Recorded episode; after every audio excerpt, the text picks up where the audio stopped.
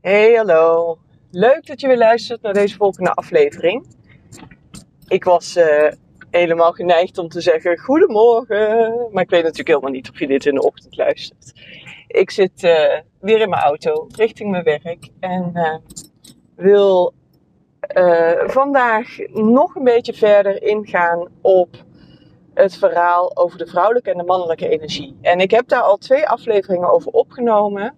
En misschien heb je die ook al geluisterd. Uh, als je dat niet hebt gedaan, dan, uh, nou, dan zou ik je wel aanraden om, uh, om die eerst even te luisteren. Omdat je dan ook gewoon het complete verhaal hebt gehoord. En heel even kort een soort van, nou ja, niet een recap, maar even kort waar die eerste twee afleveringen over gingen. De eerste aflevering over de vrouwelijke en de mannelijke energie, daarin vertel ik je eigenlijk wat, nou ja, wat dat nou eigenlijk is, waar het over gaat en wat de kenmerken zijn van beide en hoe ze zich van elkaar onderscheiden. En in de tweede aflevering uh, verdiep ik daar eigenlijk op uh, door nog een onderscheid te maken, namelijk tussen de ego-gedragen energie en de hartgedragen energie. En dat onderscheid, dat maakt eigenlijk dat er een soort van vier kwadranten komen. Um, nou ja, die je kunnen helpen om zicht te krijgen op van hey, hoe functioneert mijn energie nu eigenlijk? Um, en waar zitten er mogelijk dus nog ook uh, wonden uh, in mij uh, die om heling vragen om ervoor te zorgen dat ehm, ja, dat ik naar die meer hardgedragen energie toe kan gaan. Dus dat is waar ik het in de tweede aflevering over heb gehad. En wat ik in beide afleveringen ook heb benoemd, is dat um, vrouwelijke energie, mannelijke energie, dat gaat dus niet over vrouw zijn en man zijn.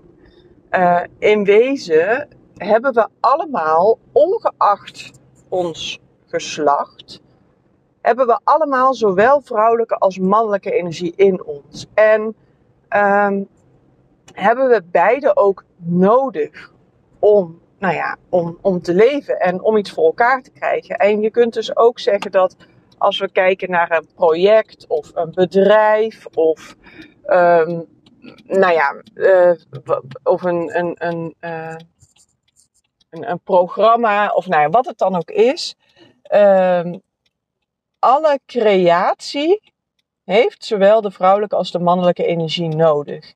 En de natuur laat dat natuurlijk ook eigenlijk wel heel erg mooi zien. Hè? Als je kijkt hoe uh, de creatie van de mens tot stand komt, biologisch gezien, dan is daar ook een, zowel een vrouwelijk als een mannelijk element voor nodig. Een vrouwelijke eicel met een mannelijke zaadcel. En zo geldt dat dus voor alles. En um, dat is ook wat ik uh, in een van de eerdere afleveringen vertelde: van je bewust worden van um, de kenmerken van de energie die door jou heen stroomt, kan je dus ook helpen uh, in zo'n creatieproces bijvoorbeeld. Want als je je bijvoorbeeld bewust wordt dat je heel sterk in de vrouwelijke uh, uh, creatieve flow-energie zit. Um, en dingen komen maar niet echt tot stand, krijgen maar niet echt vorm en vastigheid, dan kan dat dus een teken zijn dat de mannelijke energie niet voldoende aanwezig is. En ik heb daarin altijd wel een klein beetje een hekel aan een woord balans. Nou ja, hekel is een groot woord. Maar ik ben niet zo fan van het woord balans, omdat dat de indruk wekt dat um, zowel het vrouwelijke als het mannelijke altijd in gelijke hoeveelheid aanwezig zou moeten zijn. Ik denk dat dat absoluut niet waar is. Ik denk dat het heel functioneel is om soms helemaal ondergedompeld te zijn in die vrouwelijke flow. Of soms heel functioneel is om heel krachtig in die mannelijke daadkracht en, en, en begrenzing en structuur te staan. Dus ik spreek daarin eigenlijk altijd liever in termen van harmonie.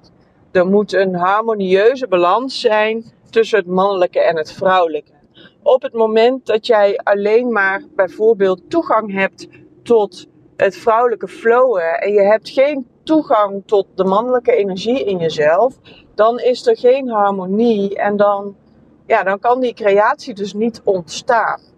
Ehm, dus in wezen zou je ook kunnen zeggen dat het gaat om het leren hoe je ehm, ehm, nou ja, aanspraak kunt maken op die verschillende energieën. Hoe je die in kunt zetten, hoe je kunt switchen in energieën, hoe je ze nou ja, op die perfecte manier met elkaar kunt vermengen. Dat daar de creatie, het kunstwerk uit voortkomt.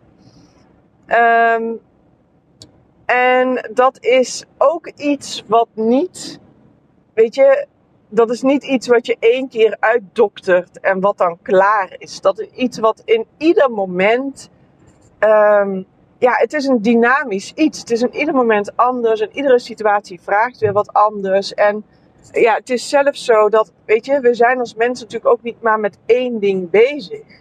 Stel, ik ben, um, nou ja, ik ben een, um, een nieuw aanbod aan het creëren. En ik ben daarin helemaal in mijn vrouwelijke creatieve flow. Um, dan kan die energie op dat moment dominant aanwezig zijn. Um, maar een uur later bijvoorbeeld moet ik uh, mijn kinderen van de opvang ophalen. Moet ik uh, uh, regelen dat er eten komt. moet ik, weet je, en dan is er ehm, veel meer structuur nodig en daadkracht nodig. Um, dus op verschillende momenten spreken we verschillende energieën aan. En bewustzijn op die verschillende energieën, die helpt ons om, um, ja, om toegang te hebben en gebruik te kunnen maken van precies die energie die het meest helpend is, het meest constructief is in de situatie waar we in zitten. Uh, dus naast dat het een tool is, die we in kunnen zetten, is het ook een bewustwordingsproces. Is het ook een, um, ja, een, ja, eigenlijk precies dat wat ik zeg, een bewustwordingsproces uh, over van wat gebeurt er in mij? Wat, ja, wat stroomt er in mij? Hoe uh, verhouden dingen zich tot elkaar in mij? En um, ja, dat is in de regel niet iets wat we geleerd hebben uh, dus heel vaak hebben we daar uh, niet zoveel bewustzijn op. Ik wou zeggen van nature, maar dat is dus niet waar. Want op zich genomen denk ik dat, um, dat kinderen daar wel. Um, nou, dat is, dat is ook niet. Oké. Ik wilde zeggen dat kinderen daar wel een bewustzijn op hebben. Maar het punt is, bij kinderen, kinderen hebben toegang tot al die energieën maar hebben er juist eigenlijk niet het bewustzijn op. Dus je zou kunnen zeggen dat ze onbewust bekwaam zijn. Maar doordat ze het onbewust zijn, kunnen ze dat dus ook niet bewust inzetten.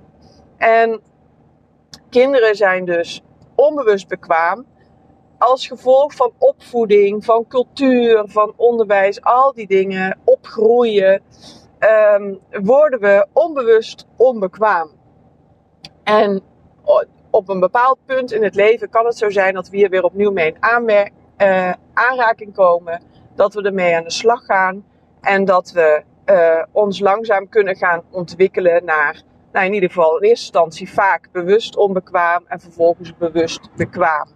Dus dat is de reis die we eigenlijk maken. Dus in a way zijn kinderen nog veel meer verbonden met nou ja, de natuurlijke energieën zoals die door hun heen stromen. En werkt dat nog veel zuiverder in hem. Uh, zijn zij uh, nou ja, nog niet zo geoefend in het manipuleren of onderdrukken van bepaalde energieën in henzelf. Maar ze zijn nog niet in staat om daar op een bewuste manier keuzes in te maken, zich toe te verhouden en mee om te gaan. Dat is iets wat we uh, ja, op latere leeftijd als volwassenen kunnen gaan leren. Nou, en wat ik eigenlijk ook in deze aflevering nog aan wilde stippen, uh, gaat over een grotere het grotere plaatje. Het plaatje op, um, nou ja, op cultuurniveau. Want deze energieën die werken in onszelf, maar die werken ook in het, die werken ook in het collectief. En hoe die energieën in het collectief werken, die zijn vaak nog veel onbewuster, omdat ja, weet je, we zijn daarin geboren, we zijn daarin opgegroeid, we zijn daarin geconditioneerd. In de regel hebben we nooit anders gekend. ehm, dus dat, zijn dingen die we vaak als zo'n enorme vanzelfsprekendheden aannemen, waardoor, we, ehm, ja, waardoor het niet eens in ons opkomt dat het ook anders zou kunnen zijn. Dat het misschien wel helemaal niet uh, een universele wet is dat de dingen zo werken. En um, ik heb natuurlijk in, in de eerste aflevering al het een en ander verteld over uh, uh, wat kenmerkend is voor de vrouwelijke energie en wat kenmerkend is voor de mannelijke energie. En als we dan kijken naar de afgelopen pak een beet uh, 2000 jaar, ik noem maar even wat. Uh, even een slokje thee tussendoor. Als we kijken naar de afgelopen pak een beet 2000 jaar, dan, um, dan, ja, ik ben heel benieuwd als jij daaraan denkt, welke energie jij dan denkt dat dominant is geweest in deze tijd. In een tijd die, um, nou ja, waarin we allerlei revoluties hebben meegemaakt, waarin we de industriële revolutie hebben meegemaakt, waarin de ontwikkeling op allerlei vlakken echt pijlsnel is gegaan. Maar ook een tijd waarin structuren, hele duidelijke structuren zijn ontstaan van weekindelingen, van dagindelingen, van verhoudingen uh, binnen, binnen het gezin bijvoorbeeld. Uh, structuren binnen organisaties, waarin, uh, waarin er vaak ook een bepaalde mate van hiërarchie is. Structuren, um, nou, niet alleen binnen organisaties, maar ook binnen collectieven, waarin er een bepaalde hiërarchie is rondom, um, nou, je zou bijna zeggen, een soort van impliciet kastensysteem in de samenleving. Hè? Op de een of andere manier zit er iets van. Um, uh, uh, als we zeggen we hebben een rechter en een vuilnisman, dan zijn we toch vaak zo geconditioneerd om de rechter hoger te plaatsen. Ondanks dat we vanuit ons bewustzijn misschien heel erg zitten op de lijn van nee, iedereen is gelijkwaardig en iedereen is even belangrijk. Toch voelen we daar een soort van hiërarchie in. Um, en nou ja, ik hoop dat op basis van de dingen die ik nu benoem, dat je in ieder geval al een sterker gevoel hebt rondom de energie die dus dominant is geweest de afgelopen 2000 jaar. Dat is namelijk de mannelijke energie. Je ziet het ook in um, dat vaak En, en er komt wel, er is wel een beweging in, hè? Uh, want ook op dat vlak staan dingen nooit stil. Maar over het algemeen, de afgelopen 2000 jaar, waren de hoofden van, uh, van organisaties, van uh, overheden, van religieuze uh, genootschappen, kerken, dergelijke. Nou ja, over het algemeen meer mannen dan vrouwen. We hebben geleefd, of we leven in een, een cultuur, in een tijdperk waarin de mannelijke energie dominant is. En dat zijpelt eigenlijk in nagenoeg alles door. Het zijpelt door in de manier waarop we leren keuzes te maken.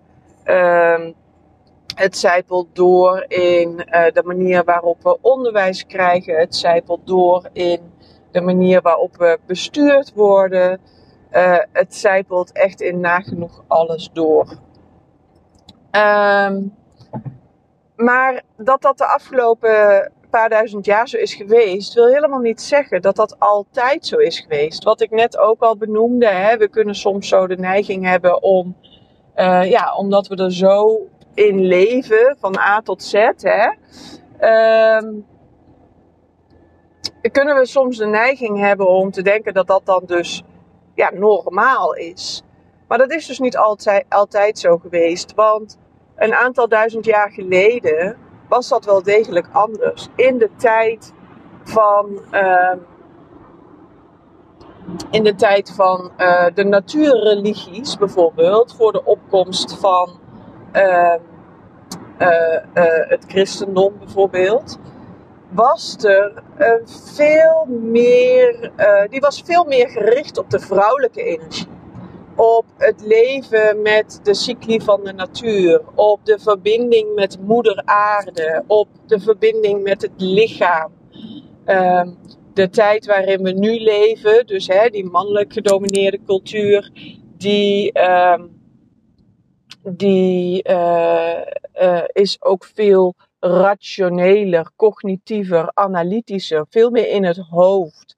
En als je kijkt naar ons chakrasysteem, dan is ons hoofd ook de plek waar we, uh, van waaruit we verbinden met Father Sky, met het universum.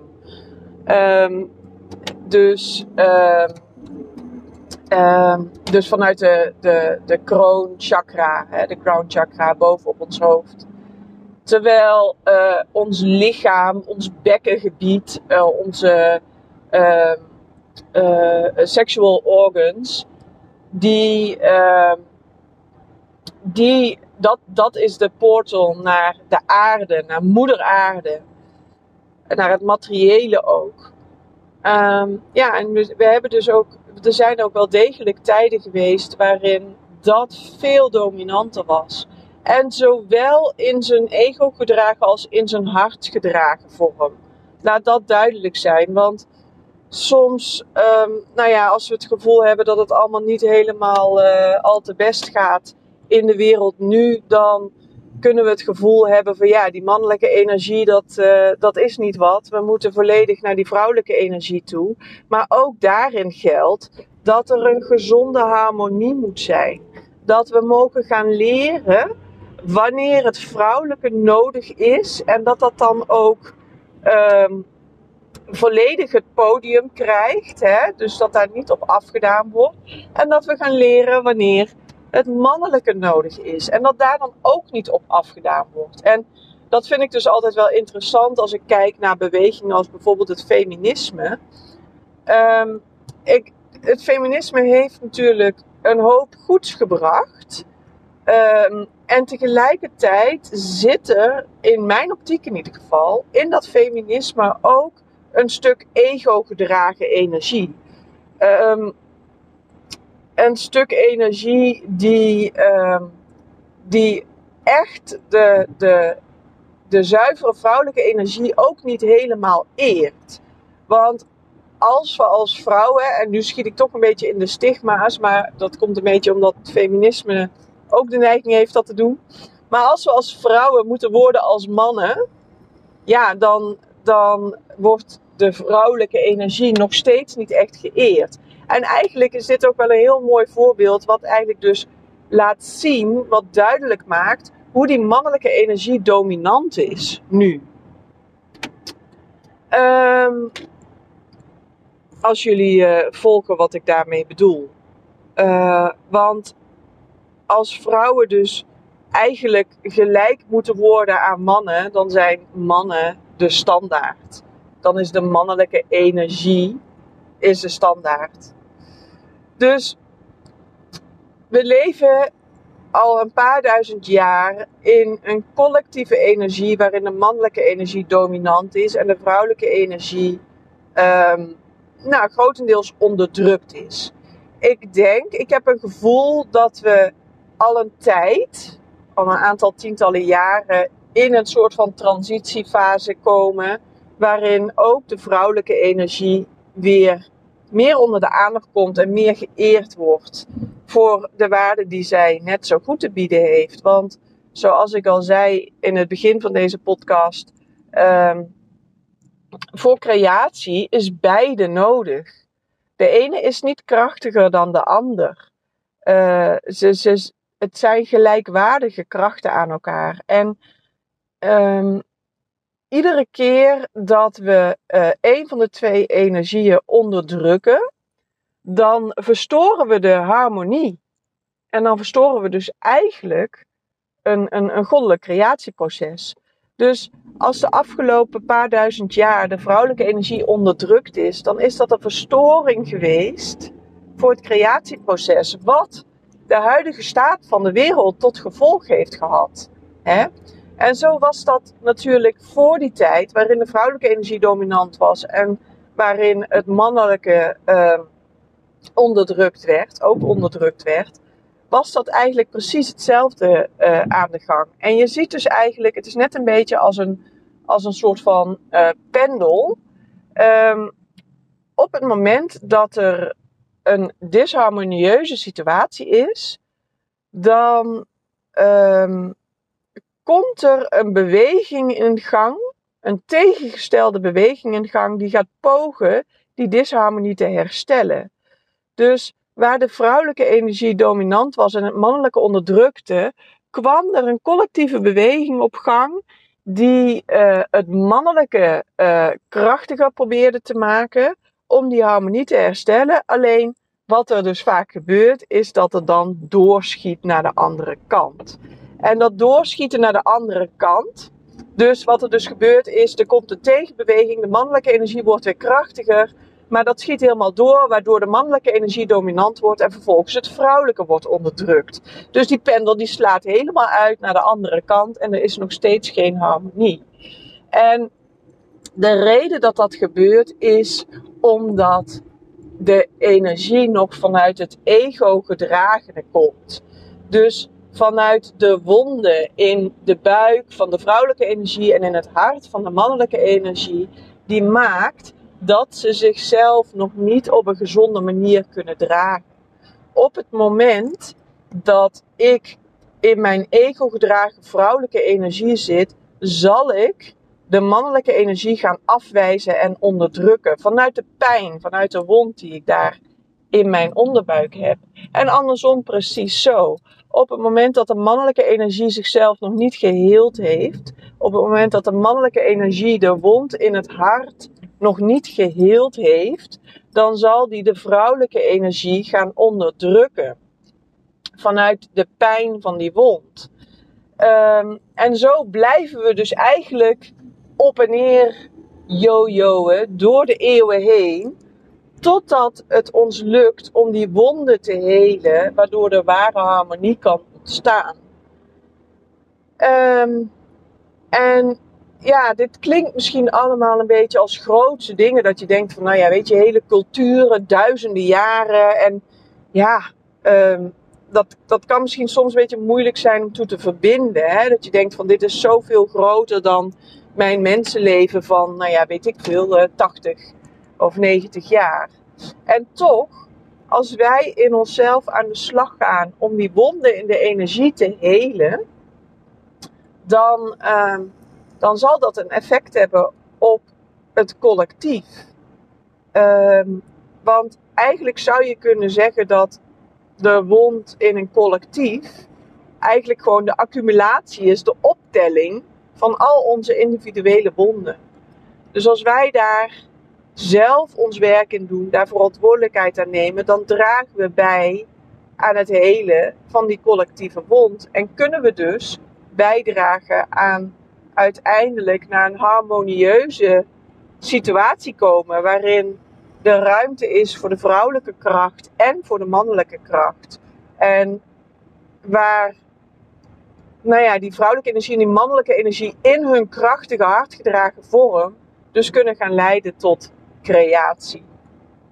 En uh, ja, uh, ik denk dat het voor ons mensen uh, levende in dit collectief, geconditioneerd en opgegroeid in dit collectief, bijna onmogelijk is om voor te stellen hoe het leven en de wereld dan zou zijn.